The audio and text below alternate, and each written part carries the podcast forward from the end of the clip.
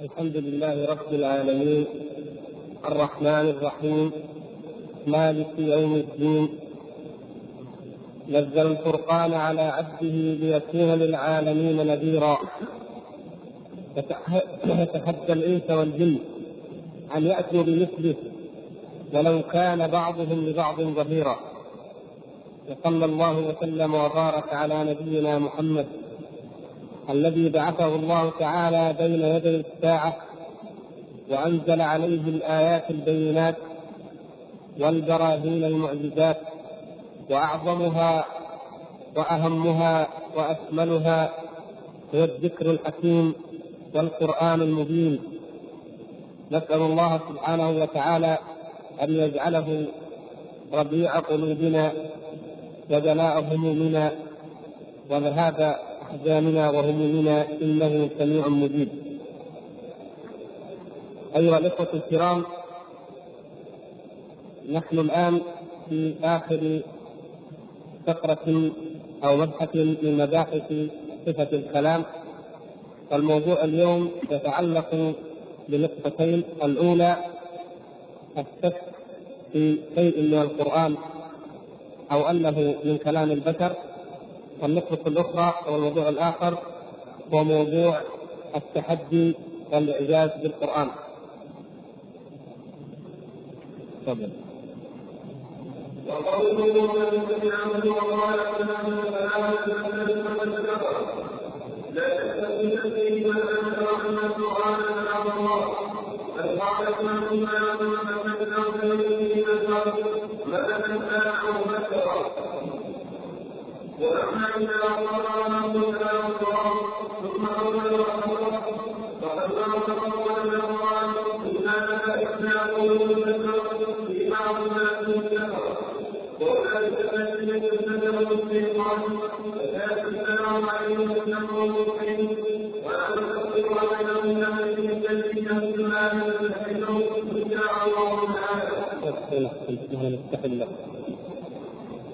الناس من كلام الشيخ هنا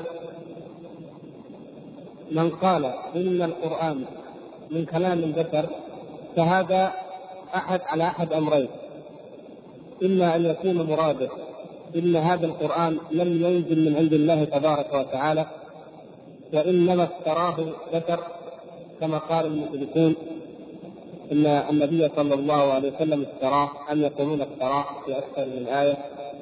وقالوا انما يعلمه بعض الأعجمين وقالوا أساطير الأولين اتخذها إلى آخر ما قاله المشركون يعني الجاحدون. المقصود بهذا الأول إيش؟ الذين يجحدون أن الله عز وجل أنزل القرآن وأنزل الذكر الحكيم وأن هذا القرآن من كلام أحد غير الله أصلا ابتداء وتبليغا. هذا حكمه الكفر الصراح لا شك في ذلك. وبهذا نزلت الآيات ونطقت وجاءت السنة ولا خلاف بين في ذلك بين المسلمين جميعا أهل السنة أو المعتزلة أو الأشعرية أو غيرهم. لا خلاف عند الجميع لأن من لم يؤمن بأن هذا القرآن من عند الله وأنه كلام الله فإنه يكفر على هذا الوجه وعلى هذه الصفة. الفريق الآخر الذي يقول إن القرآن ليس كلام الله على التأويل الذي مر معنا في الحلقات الماضية تأويل المعتزلة أو تأويل الأشعرية إنه ليس كلام الله يعني حكاية عن كلام الله عبارة عن كلام الله مجاز عن كلام الله. آه كلام الله بالمعنى ولكن النظم من نظم جبريل أو من نظم محمد صلى الله عليه وسلم أو ما أشبه ذلك. فهؤلاء يسمون المتأولين أو المؤولين. فدائما هذه قاعدة. كل من رد شيئا من الدين على سبيل الجحود يعني رد آية كذب شيئا من القرآن أو ما ثبت من السنة الصحيحة على سبيل الجحود. شعيرة من شعائر الإسلام الظاهرة. أمر معلوم من الدين بالضرورة. رده على سبيل الجحود. والنكران هذا يكفر كفرا يخرجه من الملة. وأما الذي يرد شيئا من ذلك على سبيل التأويل أي أخطأ واجتهد بفهمه وقع في تأويلات خطأ يعني المقصود بالتأويل هو التدريب لديه مبررات لديه اجتهادات خاطئة لديه شبهات. أوقعته في هذه البدعة وفي هذا الضلال والانحراف. دون أن يكون قصده في نفسه معاندة شرع الله وجحود شرع الله.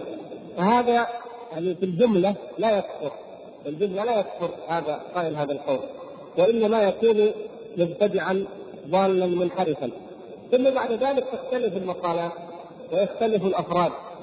فيما بينهم وبين الله عز وجل فقد يكون منهم من هو كافر في الحقيقة أو زنديق ولكن يتلبس بأنه لم يجحد ولم ينكر. فهذه المسألة من ذلك. الذين يتأولون كما هو حال الذين قالوا إن القرآن ليس كلام الله بمعنى حكاية أو عبارة أو مجاز ذلك. هؤلاء لا يخرجون من الملة لا يكفرون كفرا ينقلهم من الإسلام إلى الكفر يعني إلى حظيرة الكفر. وإنما هم أهل ضلال وابتداع وانحراف. عافانا الله وإياكم. هذا هو المراد.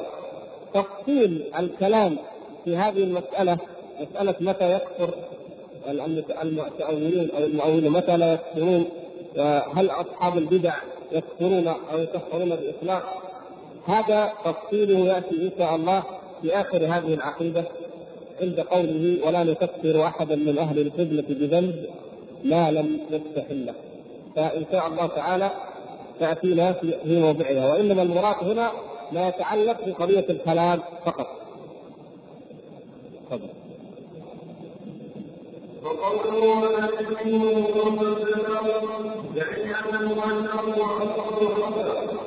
قال تعالى ومن أكبر من الله شهيدا وقال تعالى والذين لا تكذبوا وأنتم حتى يكذبوا بها القرآن لا يكون وقال تعالى قل تأتوا منه وأنتم مثله الله فما تتبع فما تتبع عذابهم والمؤمنين فبينوا الرسول صلى الله عليه وسلم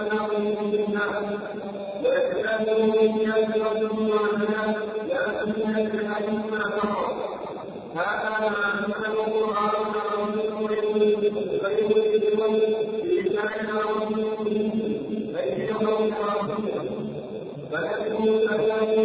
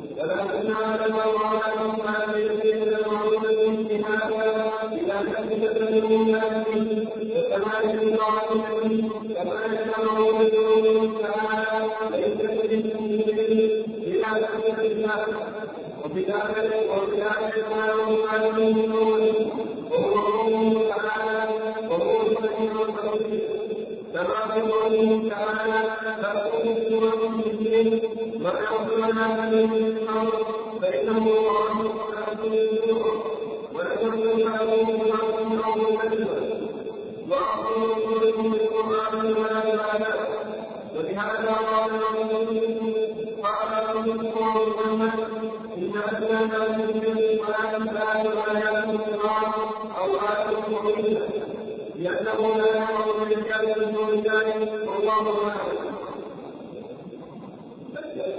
هذا الموضوع أيها الأخوة تابع لما سبق في مناقشة الماتريدية والأشعرية في الحلقة الماضية فيما يتعلق بنسبهم الحرف والصوت من كلام الله عز وجل وإثباتهم كلاما نفسيا معنويا. المناسبة أو العلاقة بين هذا الكلام وذاك أنهم يقولون إن هذا القرآن المقروء النظم يعني الحروف هذه المنظومة المقروءة التي يقرأها القارئون ويسمعها السامعون ويحفظها الحافظون هذا القرآن ليس هو كلام الله لأن هذا حروف وأصوات والحروف والأصوات من جنس كلام الناس الناس يتكلمون بحروف وبأصوات. فإذا القرآن الذي تحدي به أو القرآن الذي هو حقيقة كلام الله هو المعنى الذي في نفس الله سبحانه وتعالى وليس هو هذا القرآن.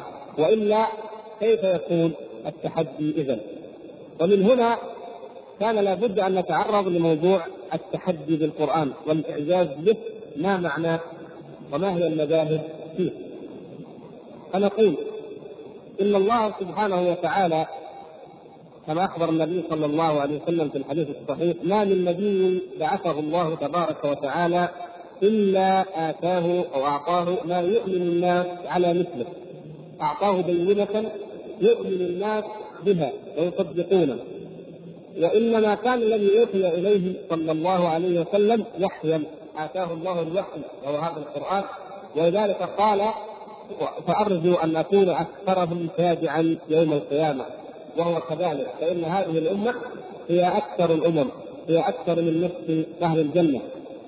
لماذا؟ لأن هذا وحي وحي مقروء يقرأ في كل زمان وفي كل مكان. فآيته وبراهينه ودلالاته متنوعة متعددة. الإنسان يبحث في علوم اللغة فلا يجد أبلغ من القرآن. فيتراجع ويعجز ويتقهقر أمام هذه البلاغة العظيمة. الإنسان الذي يبحث في العلوم في الكون العلوم الكونية ينبهر ويذهل لما يجد في هذا القرآن مما لا يستطيع البشر أن يقولوه أو أن يتصوروه إلا عن طريق هذا الوحي. الإنسان الذي يبحث في التاريخ يجد في هذا القرآن من أخبار الأمم الماضية ومن أحوالها العجب العجاب الذي لا يستطيع أو لم يأتي به المؤرخون فيما مضى فضلا عن رجل أمي لم يقرأ ولم يكتب ولم يجالس مؤرخا ولا غير مؤرخ ويحدث عن ثمود وعن عاد بل عن آدم عليه السلام بل أنه أقدم من ذلك. النبي صلى الله عليه وسلم أخبرنا عن نشأة هذا العالم كيف نشأ وكيف وجد. فأين يمكن أن يأتي إنسان بمثل هذا؟ كما هو في القرآن نفسه. وكان عرشه على الماء. كيف عرفنا العرش؟ كيف عرفنا ابتداء خلق السماوات والارض؟ ليس في امكان العقول التي آه، تتحدث عن التاريخ أو تبحث عنه أن تتكلم عن هذه الأمور على الإطلاق. ثم الأخبار الغيبية المستقبليه أخبر القرآن بها وجاء بها وبعضها لم يأتي بعد مما أخبر به في زمن النبي صلى الله عليه وسلم قوله تعالى غلبت الروم في أدنى الأرض وهم من بعد غلبهم فيغلبون في بضع سنين لله الأمر من قبل ومن بعد. فكان ما أخبر به القرآن. أخبر أنهم يفتحون مكة ويدخلونها وكان ذلك. أخبر بأن الله سيظهر هذا الدين على الدين كله ولو كره الكافرون وكان ذلك. عجائب جاءت من هذا القبيل.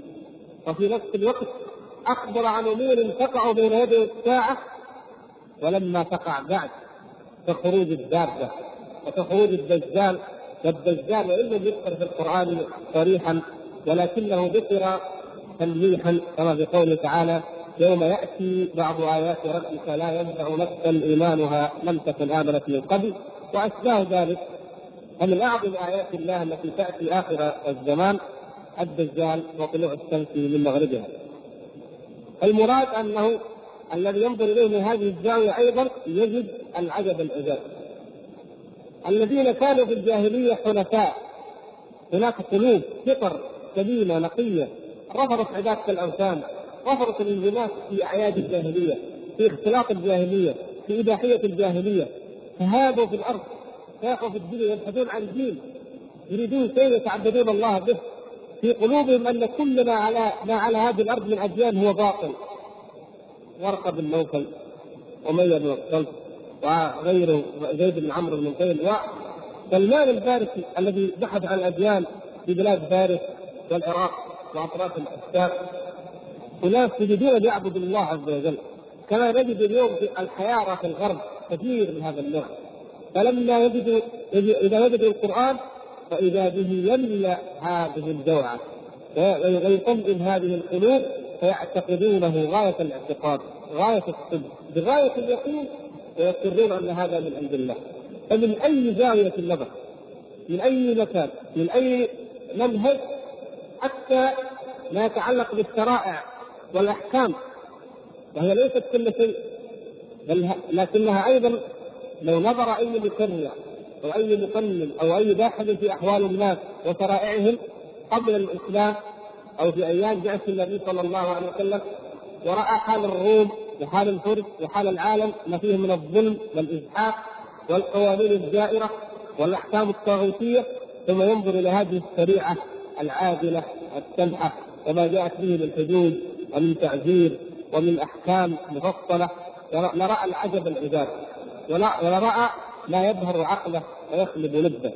فمن أي زاوية يعني ينظر إلى القرآن فهو معجز أو متحد متحدى به أن يأتي الناس. بمثله فليس الأمر مقصورا اذا على شيء أو على جانب من الجوانب الله سبحانه وتعالى جعل القرآن على هذه الصفة وعلى هذا النحو. لكن لما نبغى أصحاب الكلام ونبغت الفرق. واخذوا يتكلمون عن إثبات القرآن إثبات النبوة إثبات المعجزة عن طريق العقل والرأي. وكيف نستدل على أن هذا هو نبي؟ كيف نعرف أن هذا هو قران حقا؟ عندئذ أخذوا يخوضون بعقولهم وبارائهم ودخل من هذا الباب أهل الضلال وأهل البدع وأهل الزندقة الذين يظهرون الإسلام ويبطنون الكفر والعياذ بالله.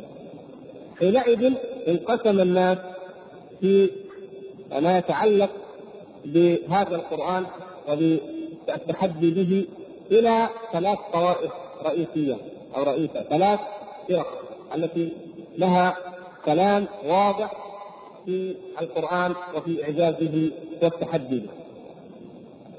الطائفة الأولى هم أهل السنة والجماعة وهم كما هو معلوم دائما على ما جاء في الكتاب والسنة فيقولون إن كتاب الله عز وجل متحدى به ومعجز ومفهم للخلق بلفظه وبمعناه وأنه من كل زاوية من أي ما من أي نظر الإنسان فإنه معجز في أحكامه وفي أخباره في اخباره بالمغيبات أو المستقبليات وفي ما جاء به من الحلال والحرام والأمر والنهي وفي قصصه وفي نظمه وفي بيانه وفي كل أمر من أموره كل فعل وصفة فهذا لا يستطيع البشر أن يأتوا بمثله. وانما وقع بينهم قضية هل المتحدى به هو القرآن يعني آه هل آه جزء ما مقدار الجزء المتحدى به من القرآن؟ فبعضهم أخذ يدقق في ذلك ويقول هل السورة أو هي أقل من سورة؟ ما هو القدر الذي يمكن أن يكون من السورة؟ ولم يظهر كما في القرآن أن أقل ما تحدى الله تعالى به الناس سورة. تأتي بسوره مثله أو تأتي بسوره من مثله. فإن أقل ذلك سورة من سور القرآن وإن كانت أصغر سورة من القرآن. يعني لو أن الإنس والجن اجتمعوا على أن يأتوا بمثل قول الله تبارك وتعالى إنا أعطيناك الكوثر مثلا لما استطاعوا أن يأتوا بمثله.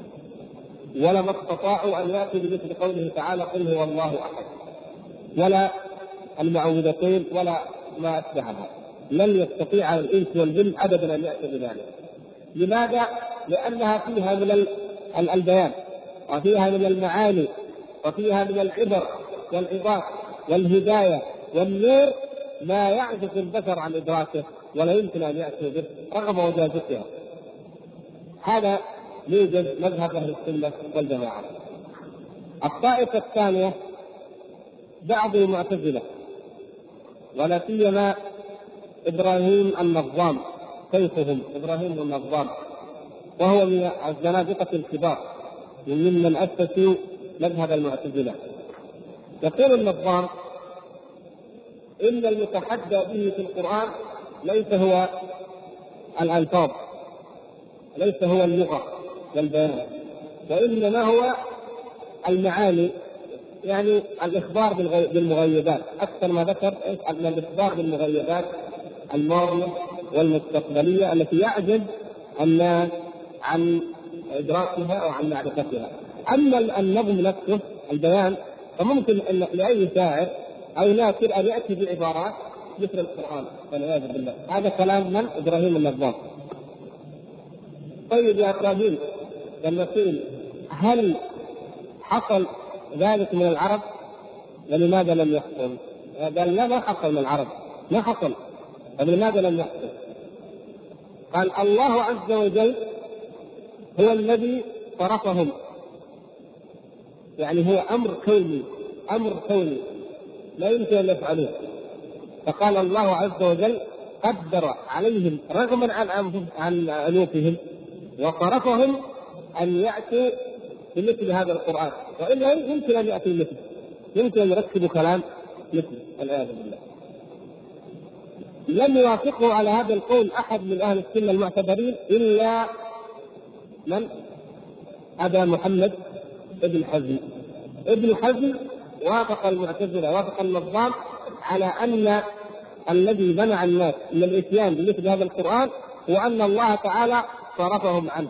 فهم لو حاولوا لاستطاعوا لكن الله صرف العرب عن الإتيان بمثله فاذا المذهب الثاني مذهب النظام وبعض المعتزلة الذين اتبعوه لأن بعضهم خالفه ومن؟ وابو محمد ابن حزم. هذا هو المذهب الثاني في ذلك. وهو أنه يترخص في أن الناس أن العرب قد صرفوا مصروفون عن الإتيان بمثله وإلا فإنهم قد يعجزون. والرد قد يستطيعون ولا يعجزون، الرد على ذلك واضح مما هو اولا مخالفته للإجماع ولما كان عليه السلف الصالح رضوان الله تبارك وتعالى عليه. فإن قول الله تبارك وتعالى وإن كنتم في ريب مما نزلنا على عبدنا فأتوا بسورة من مثله. وادعوا ما استطعتم من دون الله إن كنتم صادقين. فإن لم تفعلوا ولن تفعلوا فإن لم تفعلوا ولن تفعلوا. قالوا ولن تفعلوا معناها لن تستطيعوا. لا يدل هذا على أنه لن تفعلوا يعني أنكم لن تفكروا أو لن تحاولوا يعني قدرا وقضاء فأنتم مصروفون عن ذلك. وإلا لو حاولتم يعني لو كان لكم الإرادة والخيار لاستطعتم. لا. وانما هو أخبار ليس هو آه يعني أمر كوني قدري وانما هو إخبار بالواقع. يعني حقيقة لن تفعلوا يعني ذلك موكول اليكم فلتحاولوا إن شئتم ليس ليس مصروفين عن المحاولة لكن لم يفعلوا يعني لم يستطيعوا أن يأتوا بمثله. وإلا فإن لديهم القدرة والإمكان على أن ياتي بمثله. ولهذا جاء جاءت السور الحروف المقطعة في أوائل السور ويأتي بعد هذه الحروف وصف القرآن الكريم. ألف لام ذلك الكتاب لا ريب فيه. حاميم تنزيل الكتاب من الله العزيز العليم. حاميم تنزيل الكتاب من الله العزيز الحكيم. ألف لام ميم صاد كتاب أنزلناه إليك. وهكذا قاف مثلا آه، عين سين قاف إلى آخر أكثر السور الحروف المقطعة في أوائل السور يأتي بعدها وصف القرآن وذكر والذكر القرآن أو القسم بالقرآن أو ما يدل على أن المراد هو القرآن. يعني بمعنى أنكم أيها العرب تتكلمون باللغة العربية وتتعاظمون وتتفاقحون بها. وبلغ من تعظيم العرب للبلاغة والبيان أنهم كتبوا المعلقات العشر أو السبع وكتبوها وعلقوها في الكعبة وهي أعظم ما يفتخر به العرب من تعظيمهم لهذه للبيان والبلاغة. اختاروا أعظم عشر قصائد في شعرهم جميعا وابلغها وأرقاها وعلقوها بالكعبه احتراما وتقديرا لهذه الروعة. وكانت العرب تفتخر وتفاخر بالفصاحة والبلاغ والبيان. حتى أنهم يسمون كل من ليس عربيا أعجمي. مهما كان عند الروم من الحضارات مهما كان عند الفرس من الحضارات العرب يسمون الدابة عجماء اي دابة يسمونها عجماء ويسمون الذي لا يتكلم العربية أعجمي. يعني كانه كأنه كالدابه لا لا لا يتكلم بشيء. مهما تكلم فلا يعتبرون ولا يعدون أي بيان إلا البيان العربي فقط. واللغة العربية في الواقع تتميز عن جميع اللغات كما يثبت ذلك علم اللغات المقارنة الآن في العصر الحاضر. الشاهد أن العرب كانوا يتحدون بذلك. ورسول الله صلى الله عليه وسلم كان أفصحهم بيانا لأنهم من قريش ولأن الله سبحانه وتعالى أعطاه الفصاحة والبيان وأعطاه جوامع الكلم فكان صلى الله عليه وسلم حتى قبل أن يوحى إليه كان من أوسط العرب وأعلاهم بالفصاحه والبيان. فأتاه هذا الكلام الذي يختلف عن كلامه هو رغم أن كلامه هو صلى الله عليه وسلم أعلى درجات البيان البشري لكن يقول لهم أيضا كلاما أعظم وأعلى من كلامه هو الذي يخاطبهم به في العادة ويقول إن هذا من عند الله ويتحداهم أن يأتي بمثله ليس قريش وليس العرب بل الإنس والجن. إن اجتمعت الإنس والجن على أن ياتوا بمثل هذا القرآن لا يأتون بمثله ولو كان بعضهم لبعض ظهيرا. ثم جاء التحدي بعشر سور مفتريات كما يزعمون. ثم جاء التحدي في سورة يونس وفي سورة البقرة في سورة فقط سورة واحدة كما قلنا ولو كانت مثل إلا أعطيناك الكوثر. لا يستطيعون أن يأتوا بمثلها. فخلعوا وخضعوا ولم يستطيعوا ذلك رغم إنهم فكروا سحر سحر. ماذا نقول في هذا القرآن؟ كما فعل الوليد الذي فكر وقدر فقتل كيف قدر ثم قتل كيف قدر وغيره وغيره فكروا في ذلك ولكنهم لم يجدوا إلا أن يقولوا إنه كلام الله عز وجل وليس مجرد انهم صدفوا عنه. كما يقول النظام. يعني نوضح هذا المثال من كلام النظام على الصرفه على كلام المعتزلة. يقولون إن الناس يتكلمون يمشون قاسوا على الحركات على حركات على الكلام أو قاسوا الكلام على الحركات يقول الناس يتكلمون يمشون يحركون أيديهم أرجلهم يمشون هكذا. لو أن نبيا هذا اختلاف عندهم لو أن نبيا من الأنبياء جاء فقال لدي آية. قالوا ما آية أنت قال أنا نبي قالوا ما آية نبوتك؟ قال علامة نبوتي أنكم لا يستطيع لن يستطيع أحد منكم أن يمد يده أو يحرك رجله. قالوا بمجرد أن يقول النبي ذلك سوف تتوقف جميع حركات الأمة التي يدعوها هذا النبي. لأنه الله عز وجل لما أن أعطاه هذه الآية فإنه سيمنع أولئك عن الحركة رأسا. هذا هو استبهم هذا الخيال وهم افترضوه في عقولهم وقاسوا عليه كتاب الله وكلام الله عز وجل. ان المساله مثلا صرفة أو طرفة صرف الله عز وجل الناس عن أن ياتوا بمثله. فإذا هذا المذهب الأول ثم مذهب أهل السنة والجماعة. المذهب الثاني وهو مذهب المعتزلة اوسوتهم بالأحرى. النظام وابي محمد بن حزم وهو أن الناس إنما ان وجه الإعجاز بالقرآن هو؟ الأخبار والأحكام وما إلى ذلك وليس هو النظم أو البيان لأن لأن هذا النظم وهذا البيان كان في امكان العرب أن ياتوا بمثله ولكن الله سبحانه وتعالى صرفهم عن ذلك.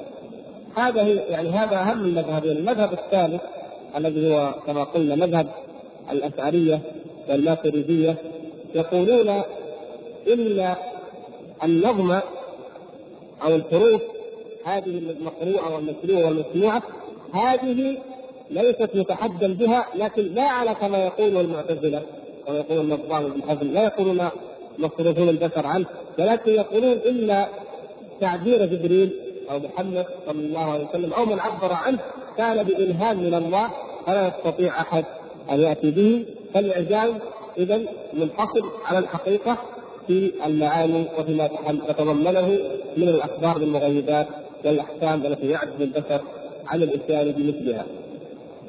هذه يعني هذا موجب لكلام الناس واختلافهم في التحدي وفي الإعجاز بالقرآن. والمقصود ومحل الشاهد من هذا هو قوله فنفى أو فنفي المشابهه من حيث التكلم ومن حيث التكلم به ومن حيث النظم والمعنى لا من حيث الكلمات والحروف. يعني الكلمات والحروف موجودة حروف عند العرب وأصوات وأيضا القرآن حروف وأصوات. هذا موجود وهذا موجود. فإنما يتحدى به أن يركب من هذا الكلام ما هو لفظا ومعنى مثل القرآن. وهذا واضح لكل من تدبر ذلك. أخي على طريق الحق. هنا منتصف الشريف. الآيات الأحرف المقطعة في أول السور تعلمون أيها الإخوة أن هذه المسألة فيها خلاف. من منهم من العلماء المفسرين من يقول إن هذا مما استأثر الله تبارك وتعالى بعلمه ومنهم من يقول إنها رموز أو أسماء مما لا نعلم. ومنهم من يقول كما هو القول الراجع الذي اختاره أكثر العلماء المحققين وهو الذي ذكره الشارح هنا إن المراد من هذه الحروف هو تحدي العرب. وبيان أن أن القرآن من جنس كلامكم وأن حروفه من جنس حروفكم ومن جنس لغتكم. فهو نزل بلسان عربي مبين إنا جعلناه قرانا عربيا.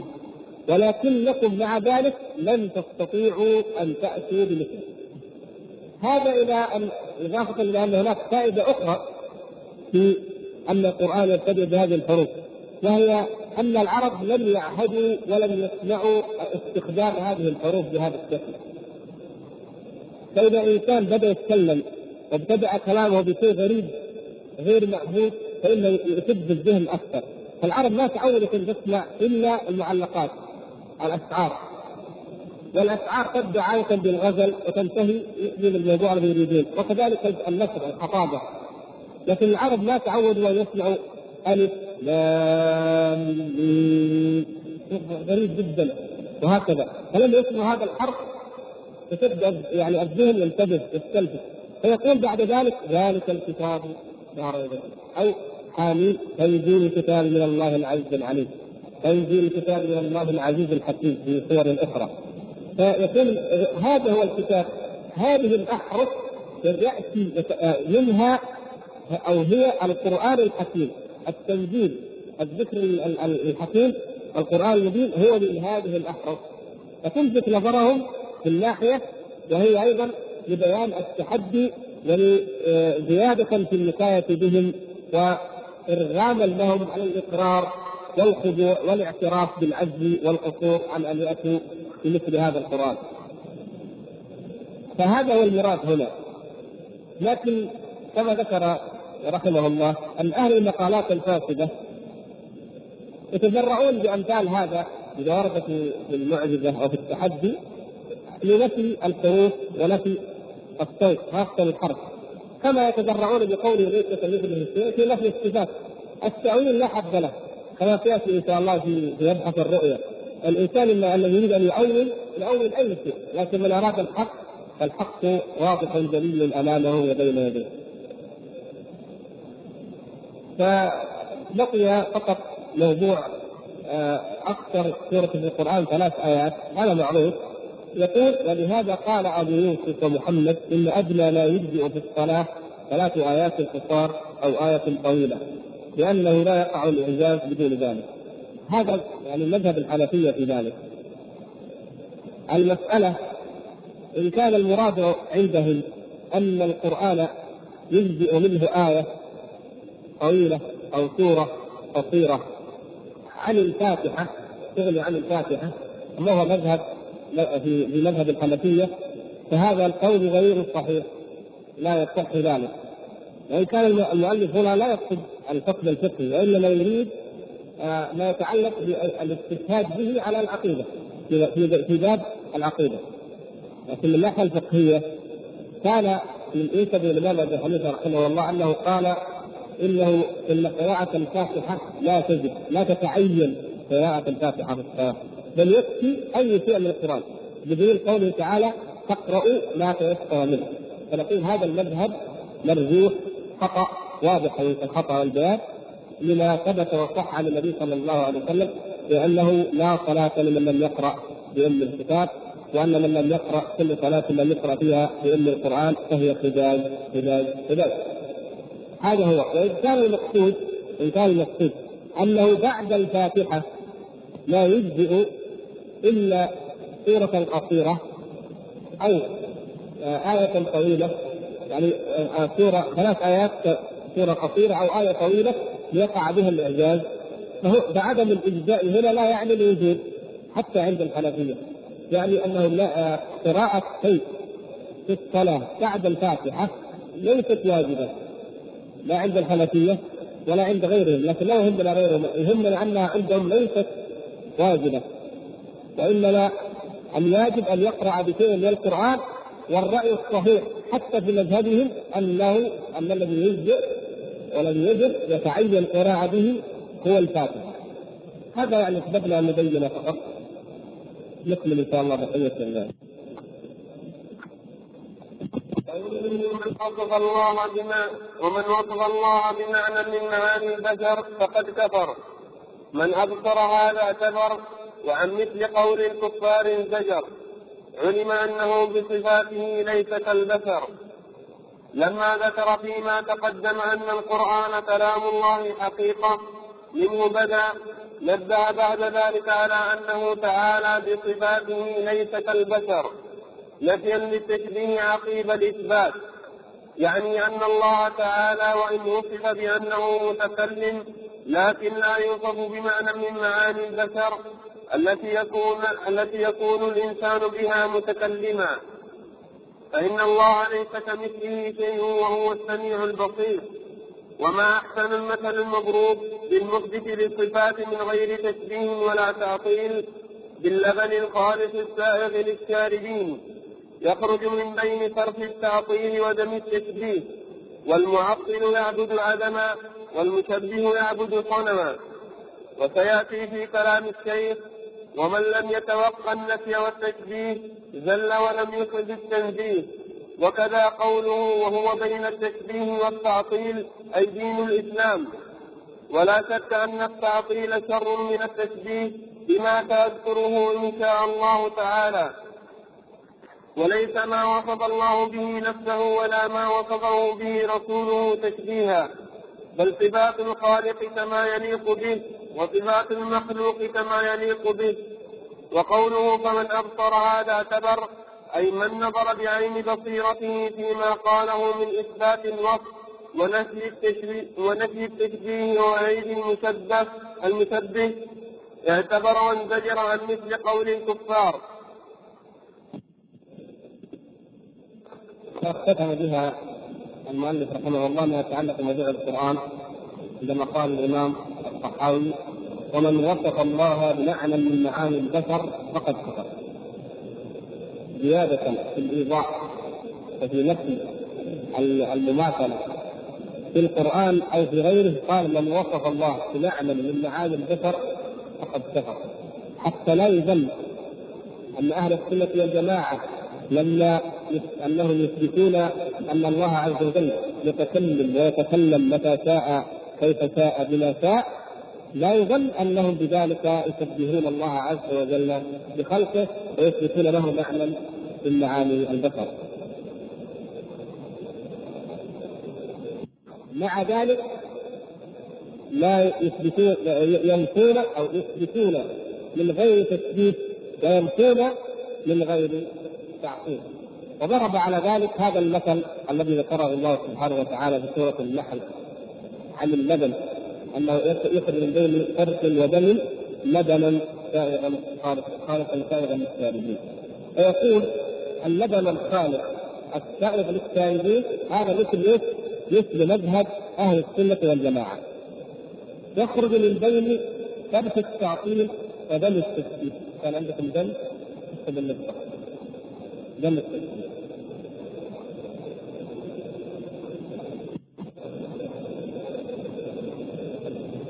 التعطيل شبهه بالترك والتثبيت شبهه بالدم. ومذهب أهل السنة والجماعة كاللبن الخالص السائر للشاربين فهم لا يشبهون كما يفعل الذين يقولون يد فيدنا أو يقولون إن الله هو عيسى. تعالى الله عن ذلك علوا كبيرا. أو يقولون إنه علي بن أبي طالب أو نحو ذلك أو يصفونه بصفات من صفات المخلوقين. تعالى الله عن ذلك علوا كبيرا. لا وأيضا فإنهم لا ينفون صفات الله عز وجل كما يقول الجهمية المعتزلة ومن اتبعهم كالأشعرية. الذين ينفون الصفات جميعا فرارا من التثبيت فيقول نحن نفر من التثبيت فلا نصفه بأي هذا هو حقيقة التعطيل، التعطيل هو نفي الصفات وجحودها، كل هذه المباحث سيأتي لها إن شاء الله شرحا وايضاحا بإذن الله تعالى في مواضعها، إنما المراد هنا وهذه العبارة فقط. فالتعطيل اذا كما قال أحد العلماء في مناقشته لهم قال لو قال أحد أو لو وصف أحد العدم لو وصف احد العدم بمثل قول نفاة الصفات لا داخل العالم ولا خارجه لما كان هناك أبلغ من هذا. عندما يقولون إن الله لا داخل العالم ولا خارجه ولا فوقه ولا تحته ولا قدامه ولا خلفه. هذا هو العدم لو قيل لاحد ما هو العدم؟ من العدم قال هو الذي لا داخل ولا خارج ولا يمين ولا إن هذا هو الشيء المعدوم. فكيف يجعلونه عز وجل هكذا؟ فإذا المسبب عابد صنم. المسبب عابد صنم. كان الكفار كما أخبرنا الله سبحانه وتعالى عن قول إبراهيم عليه السلام يعبدون اصناما ينحتونها بأيديهم. فيأتي ينحت الحجر يضع له يد يضع له رزق يضع له عين ويعبده ويقول هذا هو إلهه. يأتي السامري بالعجل ويسمع بني إسرائيل خوار العجل يرونه عجل أمامهم من الذهب ويقول هذا إله إلا إله موسى ويقولون صدقت ويتبعونه. يعبدون العجل. فهؤلاء عبدوا هذه الأشياء التي أمامهم مادية ضئيله محدودة مشاهدة ملموسة الذين يقولون إنه سبحانه وتعالى يده كيد المخلوقين أو كلامه ككلام المخلوقين.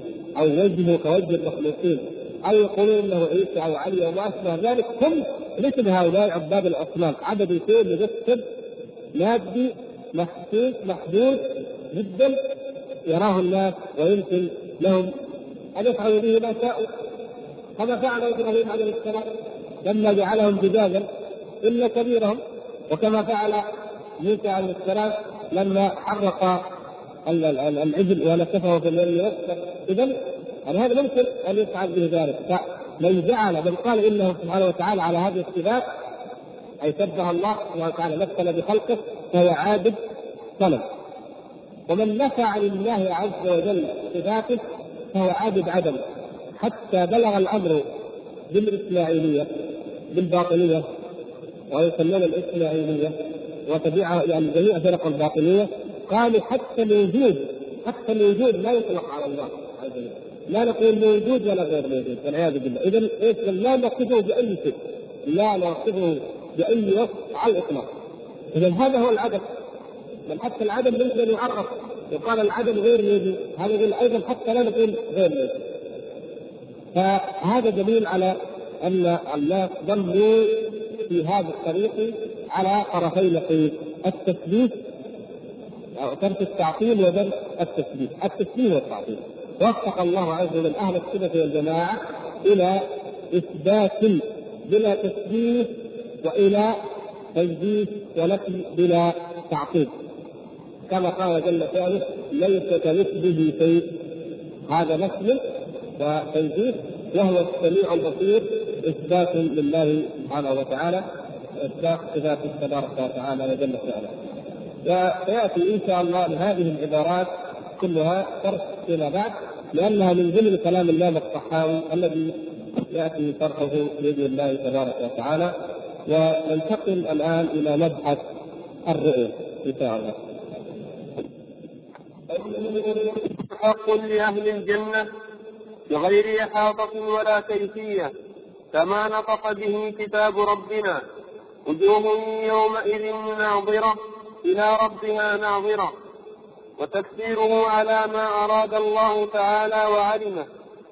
وكل ما جاء في ذلك من الحديث الصحيح عن رسول الله صلى الله عليه وسلم فهو كما قال ومعناه على ما أراد.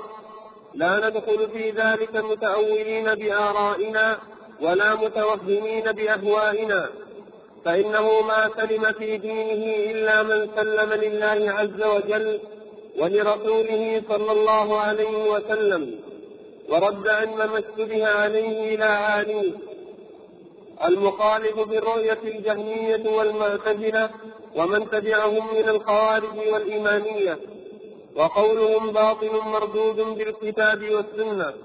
وقد قال وقد قال بثبوت الرؤية الصحابة والتابعون وأئمة الإسلام المعروفون بالإمامة في الدين وأهل الحديث وسائر طوائف أهل الكلام المنسوبون إلى السنة والجماعة. وهذه المسألة من أشرف مسائل أصول الدين وأجلها. وهي الغاية التي شمر إليها المشمرون وتنافس المتنافسون. وحرمها الذين هم عن ربهم محجوبون وعن بابه مردودون. وقد ذكر الشيخ رحمه الله من الأدلة قوله تعالى قوله تعالى وجوه يومئذ ناظرة إلى ربها ناظرة وهي من أظهر الأدلة. وأما من أبى إلا تحريفها بما يسميه تأويلا فتأويل نصوص المعاد والجنة والنار والحساب أسهل من تأويلها على أرباب التأويل. ولا يشاء مبطل أن يتأول النصوص ويحرفها عن مواضعها إلا وجد إلى ذلك من السبيل ما وجده متأول هذه النصوص وهذا الذي أفسد الدنيا والدين. وهكذا فعلت اليهود والنصارى في نصوص التوراة والإنجيل. وحذرنا الله أن نفعل مثلهم. وأبى المبطلون إلا سلوك سبيلهم. وكم جنى التأويل الفاسد على الدين وأهله من جناية. فهل قتل عثمان رضي الله عنه إلا بالتأويل الفاسد؟ وكذا ما جرى في يوم الجمل وفلسطين ومقتل الحسين والحرة وهل خرجت الخوارج واعتزلت المعتزلة؟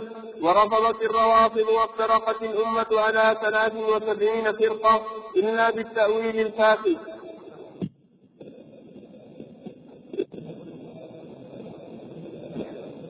هذه المسألة كما أشار رحمه الله من أشرف مسائل أصول الدين ومن أعظمها مسألة رؤية الله تبارك وتعالى. رؤية الله تبارك وتعالى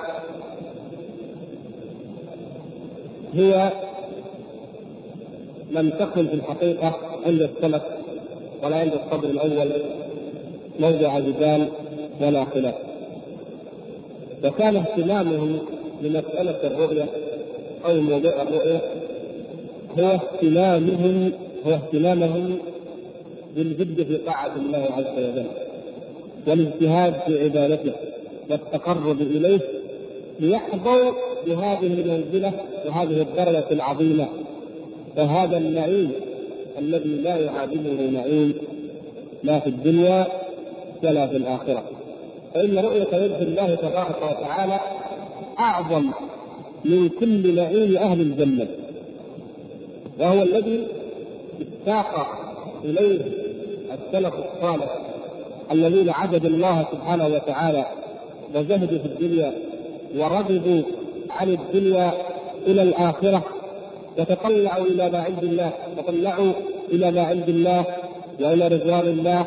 والى رؤية وجه الله سبحانه وتعالى وكان هذا أعظم ما خفف عنهم أعداء الحياة وأعداء الدعوة إلى الله عز وجل وتكاليف الجهاد والمشقات والاذى والعنف الذي لقيه هؤلاء من المشركين ومن المضلين والمبتدعين. كان هذا هو أعظم غاية يسعون إليها. فلم يكن هنالك من يخطر ولم يدر ببال أحد منهم أن ينكر ذلك؟ إنسان يتعبد مثمرا جاهدا مجتهدا ليصل إلى الجنة ويصل إلى رؤية الله عز وجل ويعلم أنها غاية النعيم وأعظمه. كيف يخطر بباله أن ينفي رؤية الله سبحانه وتعالى؟ هذا لم يكن يدر لهم على بال ولم يدر لهم على حلم ولكن كالحال في بقية الأمور لما ظهرت البدع لما فتنت هذه الأمة في التفرق لما ألبسها الله تبارك وتعالى شيعا وأذاق بعضها بعض عقوبة على ما وقع من ركون إلى الدنيا ومن تفريط في بعض الحق الذي أنزله الله سبحانه وتعالى حينئذ تشعبت الآراء والأهواء حتى خاضوا في هذا الأمر. هناك طائفة لم يذكرها المؤلف هنا لكن يجدر بنا أن نذكرها ولو في هذه المقدمة العجالة قبل أن نخوض في موضوع أهل الكلام وعلماء الكلام الذين سنستمر معهم في معركة طويلة حتى ينتهي من موضوع الرؤية. هذه الطائفة هي زنادقة الصوفية هم الزنادقة الأولون الذين نشأوا وظهروا في الوقت الذي خرج ونشأ فيه المعتزلة هؤلاء. كانت رابعا عدوية على سبيل المثال كانت في نفس الفترة التي كان فيها واصل بن عطاء. كان واصل بن عطاء يؤسس بدعة الكلام وبدعة الاعتزال نفي الصفات ونفي رؤية الله عز وجل. وكانت رابعة وأمثالها في الطرف الآخر يقولون إن الله تعالى يعبد بالحب. طيب ماذا يريدون من ذلك؟ يقولون نريد أن نعبده لكي نتمتع برؤية وجهه فقط. هذا هو الذي يهمنا. لا نريد جنة ولا نريد نارا ولا نخاف من حساب ولا من عقاب ولا نرجو جزاء ولا ثوابا. إنما الهدف فقط محصور في أنهم يريدون أن يرون. في الدنيا الآخرة ما في فرق. حتى لو رأوه في الدنيا ولم يبعثوا في نظرهم لا يهم المهم كما يتوهمون وكما يزعمون أن يعبدوه حتى يروه حتى يسلوا فيه. وهذا المبدأ أصله من مذاهب البوذيين هذا من دين البوذيين والهندوس الذين يرون من دينهم أن الإنسان انزل إلى هذه الدنيا ليكابد العناء والمشقات والعبادات لكي يصفي وينقي روحه فترتقي من الجسد وتلتقط وتلتحق بالروح الأعظم الروح الكلي الذي هو الله عندهم وتصبح جزءا من ذاته والعياذ بالله وتتحد به. فلذلك كانت آه كانت لذلك الرهبان الهندوس ولا تزال الصيام الطويل تعذيب الجسد الهيام في الغابات الانقطاع في الخلوات والإفساد الأذكار والعبادات التي ابتدعوها لم يأذن بها الله ولم يشرعها الله سبحانه وتعالى. كل ذلك لكي يسلموا من التناسق المستمر الذي يؤمنون به. أن الإنسان ارتكب ذنب التناسق عنده هذا معناه إذا ارتكب النفس التي تموت التي فيها الأجل وهي مرتكبة لذنوب تخلق في مرحلة بعيدة في زمن بعيد آخر في شكل آخر في شكل حيوان وتعاقب أيضا. وتتصفى وتتصفى حتى تكون مؤهلة لأن تتحد بالبراهمة يعني يسمونه الله يسمونه البراهمة الإله الكلي الذي تلتحق به هذه التي عندهم. الرهبان العباد الصوفية هذا اسمهم في بلادهم هكذا الصوفية هؤلاء يقول نحن نعذب الجسد في هذه الحياة فنكتفي بدورة واحدة فقط ولا ناخذ دورات من التناسق ولا نلتحق بهذا الرسم هذا مذهبهم هناك في الهند. انتقل إلى بلاد الإسلام في الإسلام من الروحانيه من الثقافيه من طهارة القلب من تزكية النفس.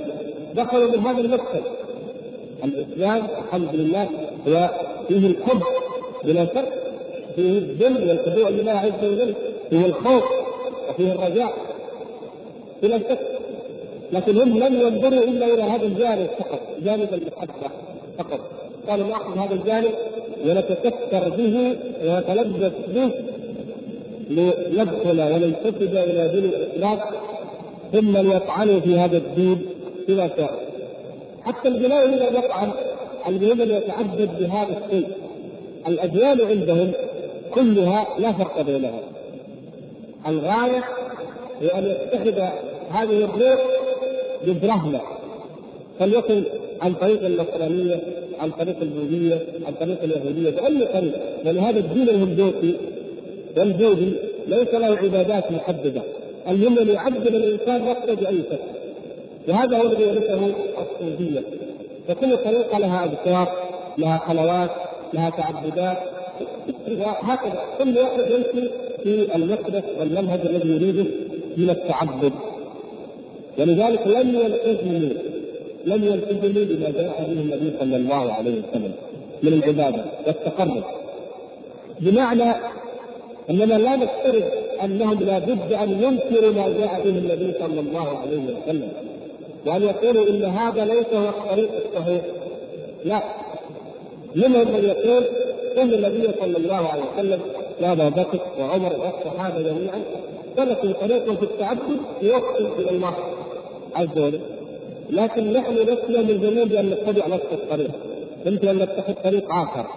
لغيرنا يمكن يتخذ طريق آخر. وهكذا كل إنسان يمكن أن ينتهج أي طريق. المهم هو أن يكون القلب متعلقا بالله. كما يزعمون ويكون هدفه محبة الله عز وجل. ولا يفكر لا في جنة ولا في نار ولا في حساب ولا ثواب المهم أنه يرى الله أنه يراه.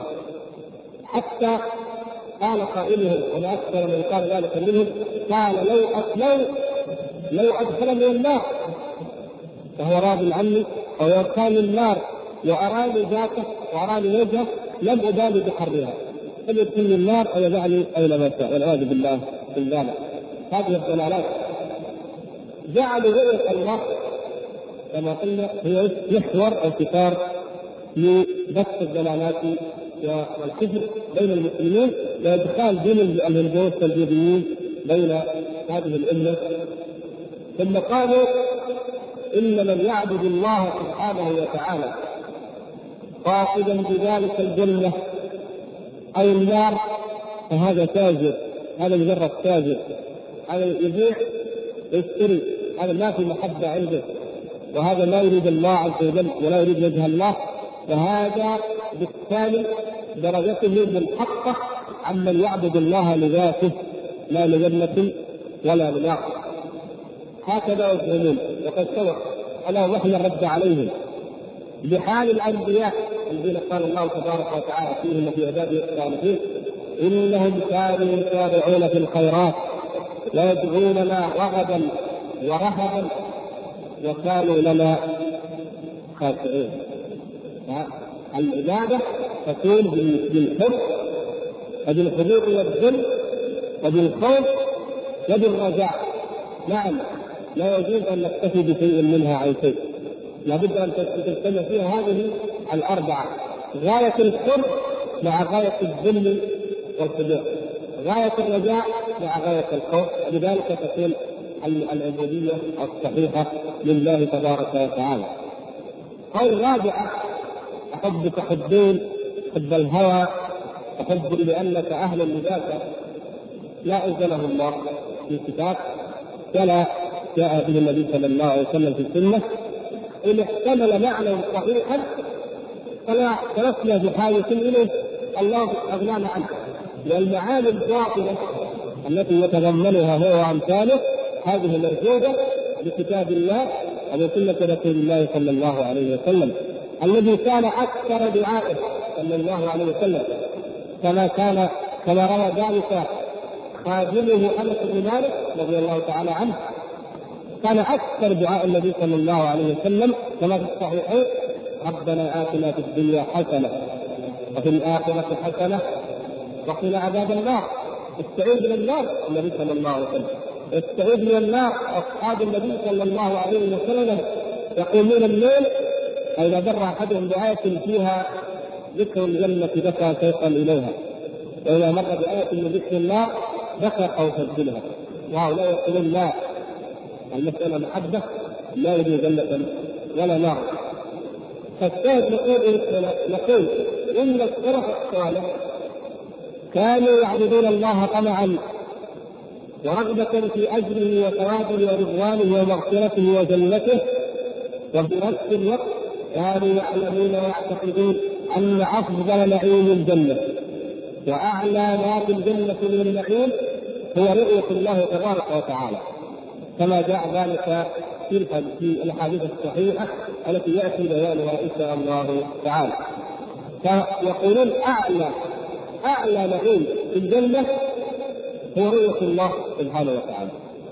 ونقتل ذلك ومعناه الواضح للجميع أن أهل النار والعياذ بالله محجوبون عن رؤية الله تبارك وتعالى.